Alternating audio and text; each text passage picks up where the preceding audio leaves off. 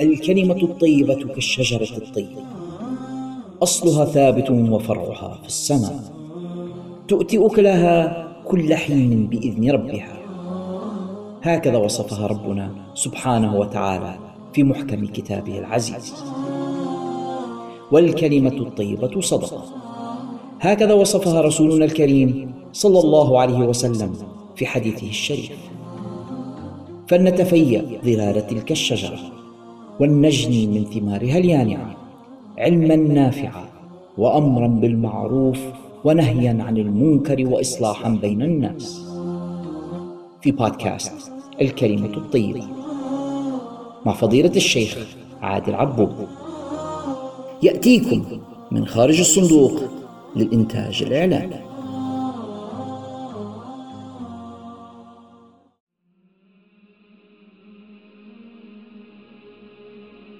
بسم الله الرحمن الرحيم الحمد لله رب العالمين والصلاة والسلام على أشرف المرسلين سيدنا ونبينا محمد وعلى آله وصحبه أجمعين اللهم لا سهل إلا ما جعلته سهلا وأنت إذا شئت جعلت الحزن سهلا فسهل لنا كل أمر عسير اللهم علمنا ما جهلنا وذكرنا ما نسينا واجعل ما تعلمنا إياه حجة لنا لا علينا يا رب العالمين. وبعد إخوتي المستمعون السلام عليكم ورحمة الله تعالى وبركاته. هذه الحلقة السادسة والعشرون من برنامج الكلمة الطيبة ونستهلها كالعادة بالفقرة الفقهية ولا زلنا نتكلم عن الأخطاء التي يرتكبها بعضنا في أثناء الصلاة. نرشد أنفسنا ونعلم بعضنا لكي يكون علما نافعا ينفعنا في دنيانا وأخرانا. فمن الأخطاء التي يرتكبها البعض فيما يتعلق بالقراءة في أثناء الصلاة هو أنه يهمل ما يلزمه تعلمه للقراءة. والركن الذي يجب على الإنسان أو الجزء الذي يجب على الإنسان أن يتعلمه هو سورة الفاتحة لأنها كما تعلمون ركن من أركان الصلاة يؤثر في صحة الصلاة. ومن هنا على الإنسان أن يتعلم الفاتحة تعلما جيدا حتى يحسن قراءتها وإذا كان لا يسع الوقت لقراءتها أو لا يقبل الإنسان التعليم ككبار السن مثلا فعليه أن يأتم بمن يحسنها. فاللحن في القراءة يؤثر في صحة الصلاة خاصة إذا كان مغيرا للمعنى. فبدل مثلا أن يقول إياك نعبد يقول إياك نعبد. أو بدل أن يقول صراط الذين أنعمت عليهم يقول أنعمت عليهم. فهذا المعنى تغير وهكذا فمن هنا تبطل الصلاة. وهناك لحن قال العلماء الأولى اجتنابه ولكن لا يؤثر على البطلان فهو إذا لم يغير المعنى. من الأخطاء التي يرتكبها البعض هي قراءة السورة في الركعتين الأخيرتين. الركعتين الأخيرتين من الصلاة الرباعية أو الركعة الثالثة مثلا في صلاة المغرب. فالسنة هي الاقتصار على سورة الفاتحة وتكون هذه الركعة أو الركعتان الأخيرتان سرا. فلو الإنسان قرأ فاتحة ومعها سورة فالصلاة صحيحة ولكن يكره ذلك لأنه مخالف للسنة. دليل على ذلك أن رسول الله صلى الله عليه وسلم كما جاء في الحديث كان يقرأ في الظهر في الركعتين الأوليين بأم القرآن وسورتين وفي الركعتين الأخيرتين بأم القرآن معناها فقط. ويسمعنا الآية وهكذا. فمن هنا الإمام مالك يرى أن الركعتين الأخيرتين تكون فيهما الفاتحة فقط. ولكن كما ذكرت من قرأ السورة في الركعة الثالثة والرابعة آه، في صلاة الظهر أو العصر أو الركعة الثالثة في صلاة المغرب أو الثالثة أو الرابعة في العشاء فلا سجود عليه والصلاة صحيحة. كذلك من الأشياء التي يستحب فعلها ويتركها البعض هو أنه يأتي بآيات من السورة ولا يكملها خاصة إذا كانت السورة قصيرة. ولهذا يستحب أن الإنسان يقرأ سورة كاملة ولو كانت قصيرة أفضل من أن يقرأ آيات فقط من بعض سورة وهي من الآيات من الأشياء يعني المستحبة فتركها لا يوجب الإثم ولا يؤثر على صحة الصلاة. وبالعكس أحيانا الإنسان يكون الوقت ضيق بمعنى أنه يصلي الصلاة وقد يفوته الوقت وقد يخرج الوقت ولم يكمل الصلاة. فهنا ضيق الوقت الأفضل والسنة أن لا يقرأ السورة بعد الفاتحة فقط. يأتي بالأركان يقرأ الفاتحة فقط ويركع ويخفف الركوع وهكذا بحيث يعني يتحصل على الصلاة كاملة قبل خروج الوقت. أما أنه يقرأ آيات وأحيانا يطيل حتى يخرج الوقت فمن هنا يعني آه، فعل هذا أثر على أن الصلاة بدل أن تقول في الوقت خرج الوقت فيحرم هذا الأمر وعليه الإثم. كذلك من الأشياء التي يسأل عنها البعض هل الإنسان يجوز له أن يقرأ سورتين أو سورة وبعض أخرى بعد الفاتحة فالأولى والسنة أن يقرأ الفاتحة ومعها سورة فقط. هكذا السنة. ولو أضاف سورة أخرى أو آيات فهنا الأمر قالوا مكروه خاصة في الفرض. أما في النافلة فلا كراهة في ذلك إلا إذا كان مأموما. والإمام آه، أطال فالمأموم قرأ الفاتحة ثم قرأ سورة. والإمام لا زال لم يركع وخشي المأموم أن يعني يتفكر في أمر دنيوي فأضاف سورة أخرى فلا بأس بذلك. كذلك من المكروه في القراءة هو أن الإنسان ينكس والتنكيس كما قال العلماء وأنه يقرأ آيات من سورة أو نصف سورة الأخير في الركعة الأولى مثلا ثم يقرأ نصفه الأول في الركعة الثانية. فهذا مكروه ولكن لا تبطل الصلاة به. أما لو قرأ آيات سورة واحدة من آخرها إلى أولها فهو تنكيس طبعا محرم وتبطل به الصلاة. وهناك أيضا صورة أخرى للتنكيس وهو أن يقرأ في الركعة الأولى سورة ثم يأتي في الركعة الثانية ويأتي بسورة قبلها في ترتيب المصحف فهذا اختلف فيه العلماء منهم من قال أنه مكروه ومنهم من قال لا كراهة فيه. كذلك من الأشياء أن بعض الناس يعتقد عدم جواز الفتح على الإمام. الإمام يعني إذا توقف وأراد شخص أن يعينه يذكره بالآية التي توقف فيها فهذا لا شيء فيه. فقد روي عن سيدنا علي رضي الله عنه أنه قال إذا استطعمك الإمام فأطعمه. وفي رواية من السنة أن يفتح على الإمام إذا استطعمك. قال العلماء يعني إذا سكت.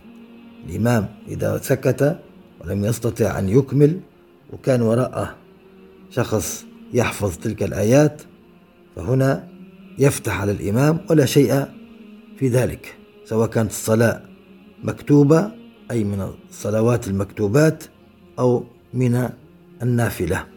ولكن من الخطأ ومن الأخطاء الشائعة أن يتعجل بعض المأمومين في الفتح على الإمام أحيانا الإمام يسكت قليلا لعله يتفكر لعله لسبب ما فيتعجل بعض المأمومين فيفتح عليه.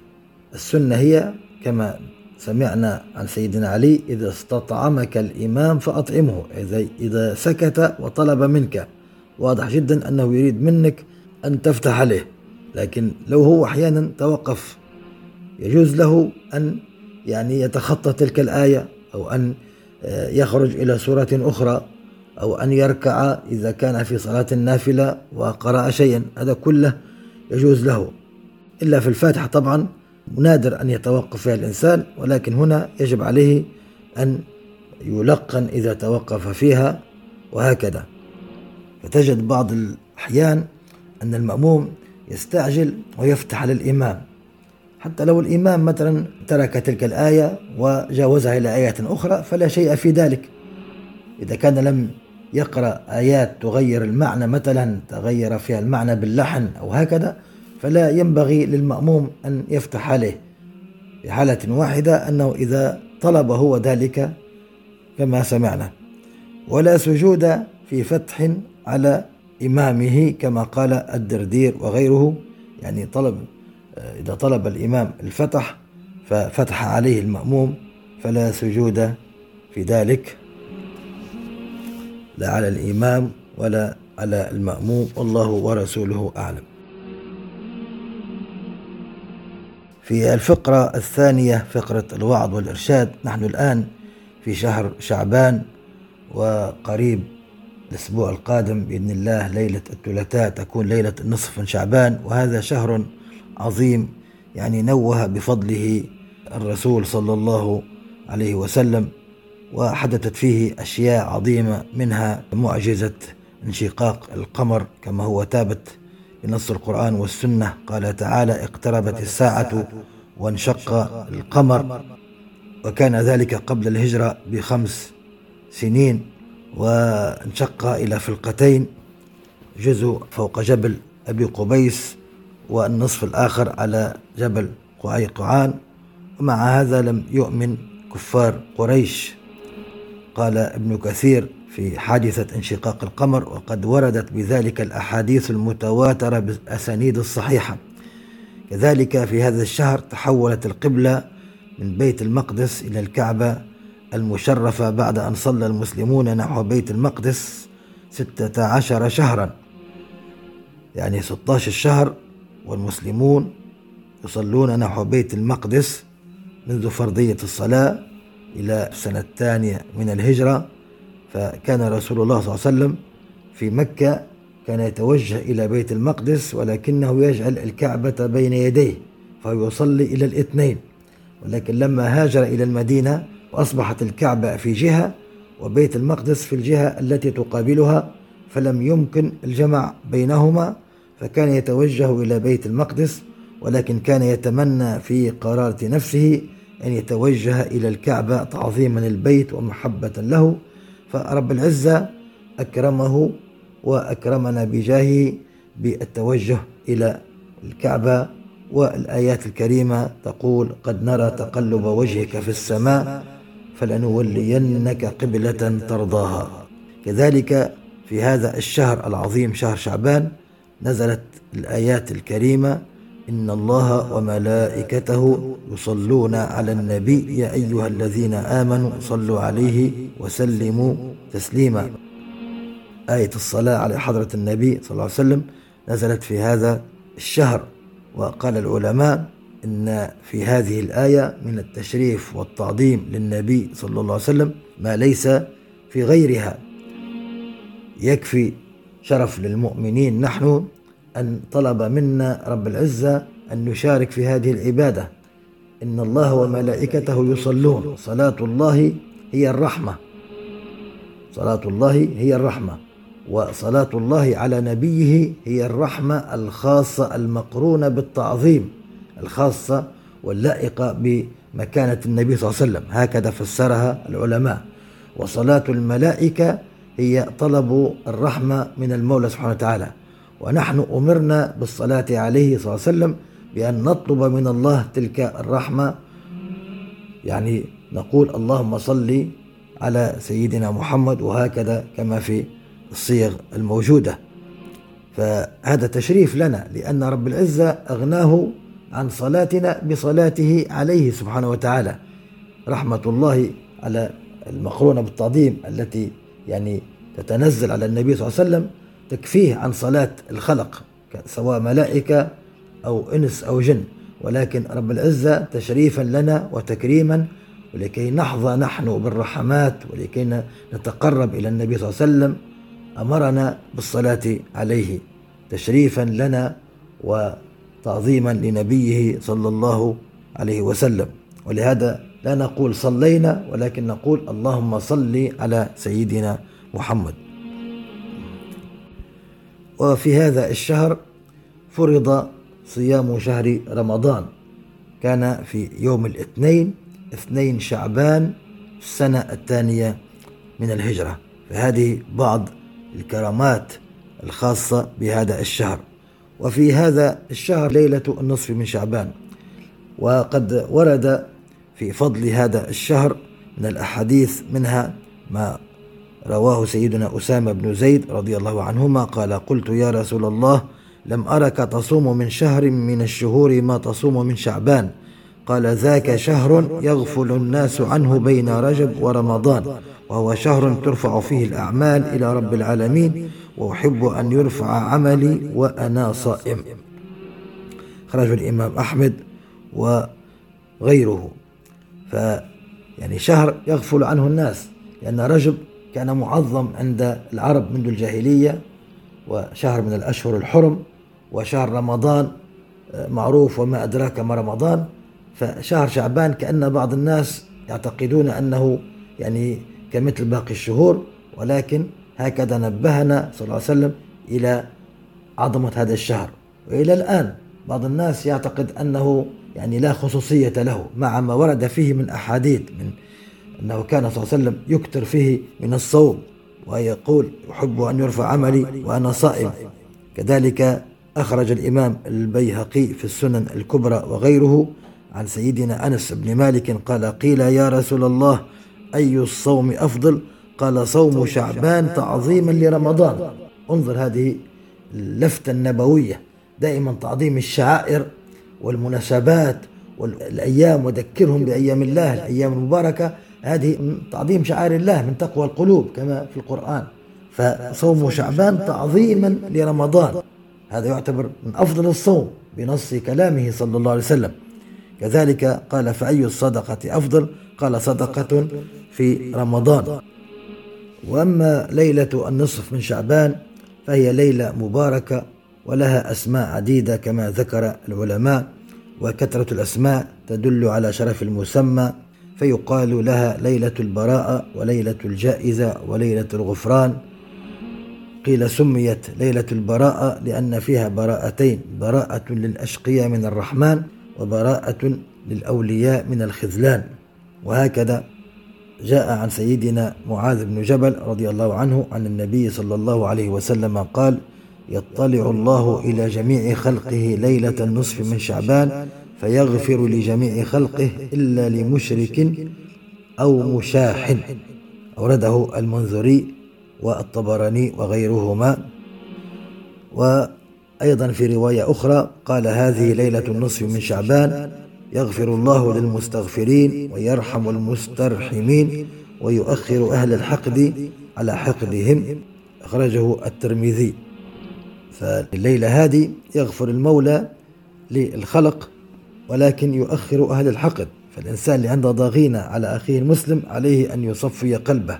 في هذه المناسبات العظيمة ودائما نسمع في هذه المناسبات وهذه الأيام المباركات والليالي الفضليات أن أجر والرحمة دائما تنزل على الجميع تستثني التخاصم والتشاحن والحقد والحسد والكبار من المعاصي. فالإنسان عليه إذا أراد أن يتعرض لهذه النفحات ويتعرض لهذه الكرامات عليه أن يصفي قلبه. يوم لا ينفع مال ولا بنون إلا من أتى الله بقلب سليم. وعن عائشة رضي الله عنها قالت سمعت رسول الله صلى الله عليه وسلم يقول يسح الله من الخير في أربع ليال سحا ليلة الأضحى وليلة الفطر وليلة النصف من شعبان. ينسخ الله فيها الآجال والأرزاق ويكتب فيها الحاج وليلة عرفة إلى الأذان أورده الهندي في كنز العمال. قد يقول قائل هذا الحديث مثلا قال العلماء عنه ضعيف وكما ذكرنا في دروس ماضية أن الحديث الضعيف هو الذي تحققت فيه بعض شروط الصحة وتخلفت شروط أخرى وخاصة في عدم ضبط القائل فهو حديث يحتمل صحته ويحتمل ضعفه فمن هنا أجاز العلماء أئمة الحديث منهم الإمام أحمد بن حنبل وابن الصلاح والإمام النووي أئمة الحديث وأئمة الأمة أجازوا العمل بالحديث الضعيف في فضائل الأعمال أي ليس في الحلال والحرام ولكن في هذه الفضائل مثلا صيام أو قيام أو فعل خير. أجازوه لأنه يحتمل أن يكون صحيحا لأنه ليس فيه مضرة بالدين ولا فيه يعني تضييع للحقوق. وهكذا كان الإمام أحمد يقدم الحديث الضعيف على آراء الرجال. فليس هذا بالحديث الموضوع. بعض الناس اللي هو ما عندهاش خلفية يساوي بينهما. الحديث الموضوع أو المكذوب على النبي صلى الله عليه وسلم هذا لا يصح العمل به ولا تصح روايته لأنه مكذوب. على النبي صلى الله عليه وسلم وهو كما قال من كذب علي متعمدا فليتبوأ مقعده من النار. لكن الحديث الضعيف هو من الأحاديث التي تروى ولهذا مملوء الكتب الأسانيد وكتب المسانيد وكتب السنن بالأحاديث الضعيفة لأنها فيها احتمال كبير جدا أن تكون صحيحة. وهي كما ذكرت يجوز العمل بها بشرط وهو أنه لا يشتد ضعفها وألا يكون من رواتها كذاب فمن هنا يجوز العمل بها في فضائل الأعمال وفي المناقب وفي الخصوصيات وهكذا.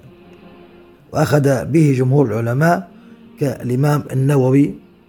كذلك هذا هو الرأي اللي أخذ به السلف كالإمام الثوري والإمام أحمد كما ذكرت وابن عيينة وابن المبارك وابن مهدي وابن معين وغيرهم. فلا داعي لأن نشوش على الناس ونزهدهم في طاعة الله بهذه الأمور وهذه الأشياء المخالفة لما عليه السلف. ما دام الإنسان يريد أن يطيع الله وهناك حديث والعلماء قالوا أنه فقط مثلا ضعيف وليس بموضوع فلا داعي للتشويش على الناس. ونحن محتاجين إلى الإكثار من طاعة الله حتى ندفع آثار المعاصي التي عمت البلاد ونسأل الله اللطف والعافية. كذلك جاء في فضائل ليلة نصف شعبان ما روي عن سيدنا علي كرم الله وجهه عن النبي صلى الله عليه وسلم قال إذا كانت ليلة النصف من شعبان فقوموا ليلها وصوموا يومها فإن الله تبارك وتعالى ينزل إلى سماء الدنيا إلى غروب الشمس فيقول ألا من مستغفر فأغفر له ألا من مسترزق فأرزقه وهكذا ألا كذا ألا كذا حتى يطلع الفجر. رواه ابن ماجه في السنن. فهذه الليلة مباركة فيها استجابة الدعاء ويستحب قيام تلك الليلة وصوم نهارها كما ذكر النبي صلى الله عليه وسلم والاستغفار وطلب الحاجات وطلب دفع البلاء ففيها زيادة خصوصية وفيها زيادة إقبال على الله. كذلك روي عن السيدة عائشة رضي الله عنها قالت دخل علي رسول الله صلى الله عليه وسلم فوضع عنه ثوبيه ثم لم يستتم أن قام فلبسهما فأخذتني غيرة شديدة ظننت أنه يأتي بعد صويحباتي فخرجت أتبعه فأدركته بالبقيع المقبرة التي فيها الصحابة رضي الله عنهم في المدينة المنورة. يستغفر للمؤمنين والمؤمنات والشهداء فقلت بأبي وأمي أنت في حاجة ربك وأنا في حاجة الدنيا. فانصرفت فدخلت حجرتي ولي نفس عال يعني اضطراب الإنسان لما يكون يجري وهكذا. تبدأ يعني نفسه يضطرب وصدره يرتفع يعلو ويهبط. فلحقني رسول الله صلى الله عليه وسلم فقال ما هذا النفس يا عائشة؟ قلت بأبي وأمي أتيتني فوضعت عنك ثوبيك ثم لم تستتم أن قمت فلبستهما فأخذتني غيرة شديدة. ظننت أنك تأتي بعض صويحباتي حتى رأيتك بالبقيع تصنع ما تصنع. فقال يا عائشة أكنت تخافين أن يحيف الله عليك ورسوله؟ يعني كنت تخافي أن يظلمك الله أو يظلمك رسوله صلى الله عليه وسلم؟ حاشاهم صلى الله عليه وسلم عن الظلم. هي كانت كأن من غيرتها ومحبتها رضي الله عنها لحضرة النبي وحق لها أن تغار عليه. فأعتقدت أنه سيذهب إلى آه، إحدى نسائه وهو ذهب في تلك الليلة العظيمة كما سيأتي يدعو لأهل البقيع. قال يا عائشة أتاني جبريل عليه السلام فقال هذه ليلة النصف من شعبان ولله فيها عتقاء من النار بعدد شعور غنم كلب. كلب هذه قبيلة من قبائل العرب وكانت أكثر قبائل العرب في الأغنام. لم تكن قبيلة أكثر غنم منها. فشبه بها سيدنا جبريل شبه بها عدد عتقاء من النار قال بعدد شعور أي شعر غنم قبيلة كلب. انظر يعني الكرم المولى آه، سبحانه وتعالى. لا ينظر الله فيها إلى مشرك ولا مشاحن. مشاحن فيه خصومة بينه وبين أخيه ولا إلى قاطع رحم. وأيضا لاعب الميسر أو المقامر ولا إلى عاق لوالديه ولا إلى مدمن خمر قالت ثم وضع ثوبيه فقال لي يا عائشة تأذنين لي في قيام هذه الليلة؟ انظر هذا الخلق النبوي العظيم. رسول الله يريد أن يتقرب إلى الله في تلك الليلة بالطاعة ومع هذا يستأذن وهو رسول الله وهو حبيب الله وأفضل الخلق عند الله يستأذن من السيدة عائشة لأن من حقها أن ينام بجانبها رضي الله عنها. فنحن الآن أحيانا تلقى الزوج لا يبالي بمشاعر زوجته أو هي نفسها أحيانا تريد أن تقوم مثلا أو تصلي ركعات وتترك زوجها يعني غير راضي عنها أو تأتي بأمور أخرى من الطاعات. وهذا مخالف للمنهج النبوي. هناك حقوق تقدم على النوافل حق الزوج أو حق الزوجة يقدمان على النوافل. قال أتأذنين لي يا عائشة في قيام هذه الليلة؟ قلت بأبي وأمي. فقام فسجد ليلا طويلا حتى ظننت أنه قبض. خافت أنه يكون قد توفاه الله. فقمت التمسه وضعت يدي على باطن قدميه فتحرك. ففرحت وسمعته يقول في سجوده لما تحرك علمت أنه لا زال حيا صلى الله عليه وسلم ففرحت.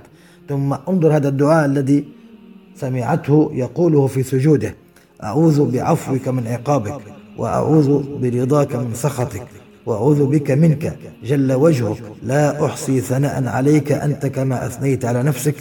فلما أصبح يعني في الصباح قالت ذكرتهن له. فقال يا عائشة تعلميهن. فقلت نعم. قال تعلميهن وعلميهن فإن جبريل عليه السلام علمنيهن وأمرني أن أرددهن في السجود. أورده المنذري في الترغيب والترهيب والسيوطي في الدر المنثور. وفي رواية سجد لك سوادي وخيالي وآمن بك فؤادي وهذه يدي التي جنيت بها على نفسي. فيا عظيم هل يغفر الذنب العظيم إلا الرب العظيم؟ فاغفر لي. انظر يعني مناجاة النبي صلى الله عليه وسلم. يقول هذه يدي التي جنيت بها يعني رسول الله معصوم من الجناية ومن الخطأ ومن الذنوب الصغائر والكبائر كما هو معلوم في العقيدة. ولكن يقول يا عظيم هل يغفر الذنب العظيم إلا رب العظيم؟ فهو يقول هذا عبودية لله وتواضعا وتعليما لنا نحن أن نقوله في سجودنا. قال ثم رفع رأسه ويقول اللهم هب لي قلبا تقيا نقيا من الشر بريا لا كافرا ولا شقيا. ثم عاد فسجد ويقول أقول لك كما قال أخي داود عليه السلام وأعفر وجهي في التراب لسيدي وحق لوجه سيدي أن تعفر الوجوه لوجهي.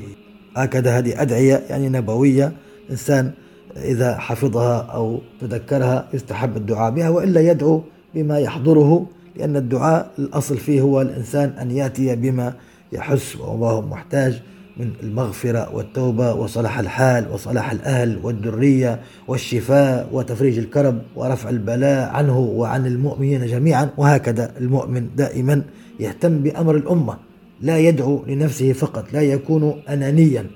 دائما إذا دعوتم فعمموا فإنه أقرب للإجابة. كذلك روي عن سيدنا معاذ بن جبل قال قال رسول الله صلى الله عليه وسلم من أحيا الليالي الخمس وجبت له الجنة ليلة التروية هي الثامن من ذي الحجة وليلة عرفة وليلة النحر وليلة الفطر وليلة النصف من شعبان. وهذه بعض الأحاديث والآثار وكان السلف يهتمون بهذه الليلة وبعضهم من يلبس أحسن الثياب ومنهم من يقوم الليل وهكذا منهم الإمام أحمد رواية عنه أنه استحب أحياء هذه الليلة لفعل كثير من السلف من التابعين ومن عيان الفقهاء. فالإنسان دائما يتعرض للنفحات الإلهية كما جاء في الحديث إن لله في أيام دهركم نفحات ألا فتعرضوا لها. اللهم أكرمنا بكرامات هذه الليلة المباركة. تكلمنا في الدرس الماضي وذكرنا بعض ما يتعلق ببر الوالدين والعقوق وأسباب العقوق لكي نجتنب ذلك أعاذنا الله وإياكم جميعا من العقوق. فمن الأشياء التي ذكرها العلماء في باب بر الوالدين أن شكر الوالدين كما جاء في الحديث الدعاء لهما قال بعض السلف الصالح والتابعين أن الإنسان إذا استطاع أن يدعو لوالديه خمس مرات في اليوم وذلك يكون في الصلوات فقد أدى حقهما في الدعاء كما قال الإمام الثوري وغيره. الإنسان يدعو بحسب الاستطاعة ولكن دائما عندما يسجد مثلا ولو مرة في الصلاة ولو في سجدة من السجود أو في آخر التشهد يقول رب اغفر لي ولوالدي وارحمهما كما ربياني صغيرا أو يقول اللهم اغفر لي ولوالدي اللهم جازهم عني خير الجزاء وهكذا بما يحضره من الدعاء اللهم اجعلهما في الفردوس الأعلى. دائما لا ينسى والديه. وقوله تعالى وصاحبهما في الدنيا معروفا ذكر العلماء تفسير هذه الآية قالوا أن يطعمهما إذا جاع رقم واحد. رقم اثنين أن يكسوهما إذا عري هذا كله من المصاحبة بالمعروف. رقم ثلاثة إذا احتاج أحدهما إلى خدمته خدمه. رقم أربعة إذا دعاه أجابه وحضره. رقم خمسة إذا أمره بأمر أطاعه ما لم يكن معصية. لأنه لا طاعة لمخلوق في معصية الخالق. رقم ستة يتكلم معه باللين ولا يتكلم معه بالكلام الغليظ. رقم سبعة أن لا يدعوه باسمه. رقم ثمانية أن يمشي خلفه. المهم يكون في احترام في المشي مع والديه. رقم تسعة أن يرضى له ما يرضى لنفسه ويكره له ما يكره لنفسه. ورقم عشرة أن يدعو له بالمغفرة كلما دعا لنفسه دائما يدعو لوالديه يقول ربي اغفر لهما وارحمهما كما ربياني صغيرا. الفقرة الثالثة في شيء من سيرته العطرة آدابه صلى الله عليه وسلم إذا خرج من منزله وبرز للناس. قال سيدنا الحسين ابن سيدنا علي رضي الله عنهما قال سألت أبي يقصد عليا رضي الله عنه عن مخرجه كيف كان يصنع. قال كان رسول الله صلى الله عليه وسلم يخزن لسانه إلا فيما يعنيه. يعني لا يتكلم إلا فيما يعنيه. الأمر المهم الذي ينفع في الدين أو الدنيا. ولهذا جاء في الحديث قوله صلى الله عليه وسلم من حسن إسلام المرء تركه ما لا يعنيه. أي من حسن إسلامه اشتغل بما يعنيه. وهذا الحديث قال العلماء هو من الأحاديث التي عليها مدار الإسلام. حديث عظيم وللأسف كثير منا لا يعمل به فهو من السنن المهجورة. تجد الواحد منا يتدخل في أمور لا تعنيه والأمور التي تعنيه كيف أنه يهذب نفسه ويهذب أخلاقه وكيف أنه يشتغل بما يقربه إلى الله وكيف يصلح من نفسه ويصلح من أهله وغيره تجده لا يهتم بهذا الأمر. والحكمة تقول من تدخل فيما لا يعنيه سمع ما لا يرضيه. فعلى الإنسان أن يشتغل بما يعنيه من أمر نفسه وأسرته كيف يصلح أبنائه وهكذا ولا يتدخل في أمور الغير. وهذا الأمر زي ما قلت غفلين عنه نحن كثير. جاء في حديث أخرجه الإمام الترمذي عن سيدنا أنس رضي الله عنه قال توفي رجل من أصحاب النبي صلى الله عليه وسلم فقال رجل أبشر بالجنة. فقال صلى الله عليه وسلم أولا تدري فلعله تكلم فيما لا يعنيه أو بخل بما لا ينقصه. يعني هذا الحديث كما قال الترمذي وغيره أن رواته ثقات. ومعنى الحديث أن دخول الجنة لابد الإنسان أو حسب ما ذكر النبي صلى الله عليه وسلم أن التكلم فيما لا يعني قد يكون عائقا عن دخول الجنة. فكيف بنا نحن؟ يعني هذه من السنن وهو الفرائض المهجورة أن التدخل فيما لا يعني والتكلم فيما لا يعني وتضييع الأوقات فيما لا يعني. فيعلمنا رسول الله بسنته القولية يأمرنا بما فيه صلاحنا وهو عدم التكلم والتدخل فيما لا يعني وأيضا بسنته الفعلية فكان هو صلى الله عليه وسلم وكما أخبر عنه ربه وإنك لعلى خلق عظيم فكان يخزن لسانه إلا فيما يعنيه ويؤلفهم ولا ينفرهم.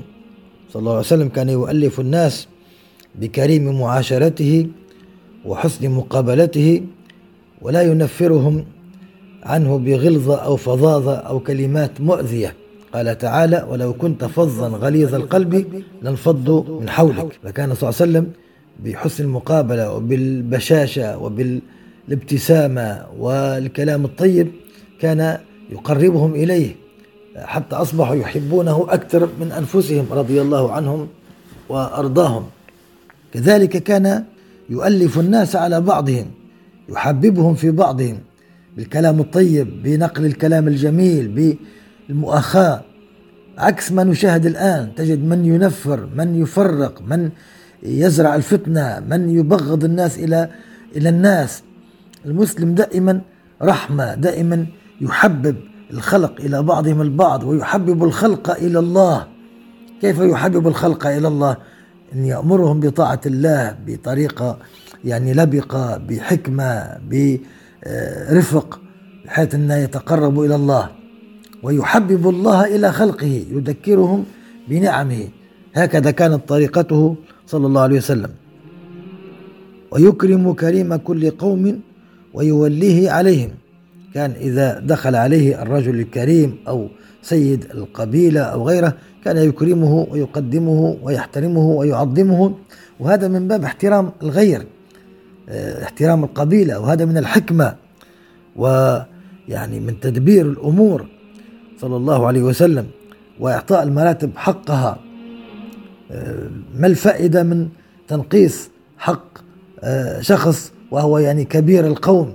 ما الفائدة إلا زرع العداوة والبغضاء. حتى عبد الله بن أبي بن سلول رئيس ورأس المنافقين كان صلى الله عليه وسلم يداريه. يسيره في الأمور الدنيا ويقدمه في بعض الأشياء لأنه محبوب عند قومه وأيضا مراعاة لخاطر ابنه الصحابي الجليل ابنه سيدنا عبد الله. هو اسمه عبد الله وأبوه عبد الله. فالحكمة ومداراة الخلق ويعني إذا جاءكم كريم قوم أو رئيس قوم فأكرموه. هذا كله من الحكمة ومن حسن المعاملة.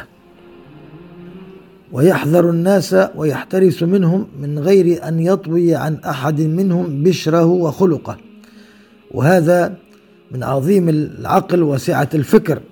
يعني أن الإنسان يحذر الناس خاصة النبي صلى الله عليه وسلم كان في ناس يعني حديثو عهد بالإسلام وكان فيه المنافقين وكان فلم يخبرهم ولم يجربهم فلابد من احتراس. كذلك أنت كيف نطبق هذه السنة؟ نحسن ظننا بالناس جميعا ولكن نحترس ممن لا نعرفه لا نعطيه سرنا ولا نقربه مثلا من بيتنا أو نعرفه هكذا لأن لابد من الاحتراس. وهذا ليس فيه سوء ظن هذا وإنما فيه من الحكمة ومن سعة الفكر. وأما حسن الظن فهذا أنك تحسن ظنك بالناس جميعا ترى أنهم يعني على خير وإذا رأيت شخص مثلا ومعه امرأة أو غيرة تحسن ظنك وتقول لعلها زوجته لعلها أخته هذا. لكن أنك أنت لا تلقي بقيادك أو تعطي أسرارك لكل من هب ودب وتعتبر هذا حسن ظن. هذا من الغفلة. ومع هذا كان صلى الله عليه وسلم حتى لما يحترس ويحذر من الناس الذين هم يعني لم يختبرهم ولم يجربهم وليسوا من المؤمنين الأوائل والمعروفين ولكنه لا يطوي بشره وخلقه عن أحد. يعني الجميع يعاملهم معاملة عظيمة فيها الاستبشار وفيها الكلام الطيب وهكذا. ويتفقد أصحابه ويسأل الناس عما في الناس. يعني دائما كان صلى الله عليه وسلم يتفقد أصحابه وأيضا كان يبحث عن أحوال الأمة عامة. فيسأل الناس الذين عندهم معرفة بأحوال الناس عما في الناس من الأحوال السارة أو المكروهة أو السعة والضيق والشدة والرخاء فيفرح لفرحهم ويسر لما يسرهم ويحزن لما يحزنهم ويسعى في رفع المكارة بالدعاء بالتوجيه بالنصايح. هكذا المؤمن يهتم بأمور المسلمين من لم يهتم بأمر المسلمين فليس منهم ليس عنده أنانية يرى نفسه فقط. فمن هنا يسأل الناس عما في الناس. كذلك يسأل آه، الصحابة المقربين منا والمعروفين عن حال الناس في ناحية الدين وأمور دينهم وصلاحهم ومعاملاتهم واستقامتهم. وهذا لا يعد من التجسس لأن هذا بنية الإصلاح. ولهذا قال العلماء أن على الخطيب الذي يخطب الجمعة هذا عليه أن يتفقد أحوال المنطقة. لا بأس أن يسأل الناس المعروفين أو الناس الذين لهم خبرة في هذا الأمر من أهل القرية يسألهم عن الأمراض المتفشية مرض الكذب الغيبة النميمة رمي الأعراض بالبهتان آه، الشرب والعياذ بالله شرب الخمر. فهذا ليس من التجسس وإنما هذا للعلاج لأن الخطيب هو طبيب القرية. فلما يعرف المرض المتفشي عليه أن يأتي بخطب مركزة بحيث أن تزيل الغفلة وتميط الحجاب وتذكر الناس بالخوف من الله وبعقاب الله من هذا المرض. لعل في ناس لا تعرف عقوبة ذلك الأمر. فهذا من الاهتمام بأمر المسلمين أن فيه فائدة العلاج. كذلك كان صلى الله عليه وسلم يحسن الحسن ويقويه ويقبح القبيح ويوهيه. يعني كان من سنته إذا أتى إنسان بفعل حسن أو برأي حسن حسنه صلى الله عليه وسلم ومدحه وقواه وقوى همة فاعله ونهض بعزيمته تشجيع. وهكذا الأب في بيته أو المسؤول وغيره لما الشخص الثاني يأتي برأي عظيم جيد وغيره عليه أن يشكره عليه أن يثني عليه ويشجعه. وهذاك الأب مع أبنائه كذلك. ليس فقط مجرد أن الإنسان دائما غير ينتقد أو يخطئ حتى الحسن عليه أن يمدحه. كذلك لما الإنسان يفعل معك معروفا عليك أن تمدحه. مثلا في الطريق شخص يعني ترك لك الطريق أو غيره فيش بس أنك تحييه أن تشكره. وهكذا تشجيع على فعل الخير. ولما يقدم لك معروف يقول بارك الله فيك كثر الله من أمثالك الله يجزيك خير. وهكذا هذه من السنة التشجيع على فعل الخير والتحسين الحسن. وفي المقابل تقبيح القبيح.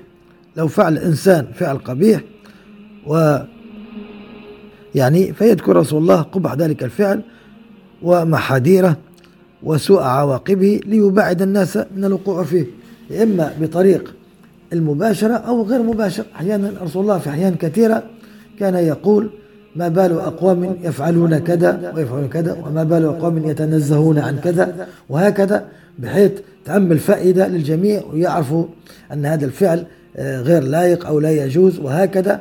وأحيانا إذا كان الشخص هو الذي سأل فيجيبه صلى الله عليه وسلم وهكذا. هذه كنا من السنن التي يعني ينبغي أن نعمل بها بطريقة الحكمة وطريقة يعني اللباقة والرفق تأسيا واقتداء به صلى الله عليه وسلم وللحديث بقية بإذن الله تعالى وصلى الله على سيدنا محمد وعلى آله وصحبه وسلم تسليما والحمد لله رب العالمين والسلام عليكم ورحمة الله تعالى وبركاته إذا كانت هذه الحلقة قد نالت رضاكم واستحسانكم فلا تبخلوا علينا رجاء بترك علامة الخمس نجمات في التطبيق الذي تستمعون إليها من خلاله.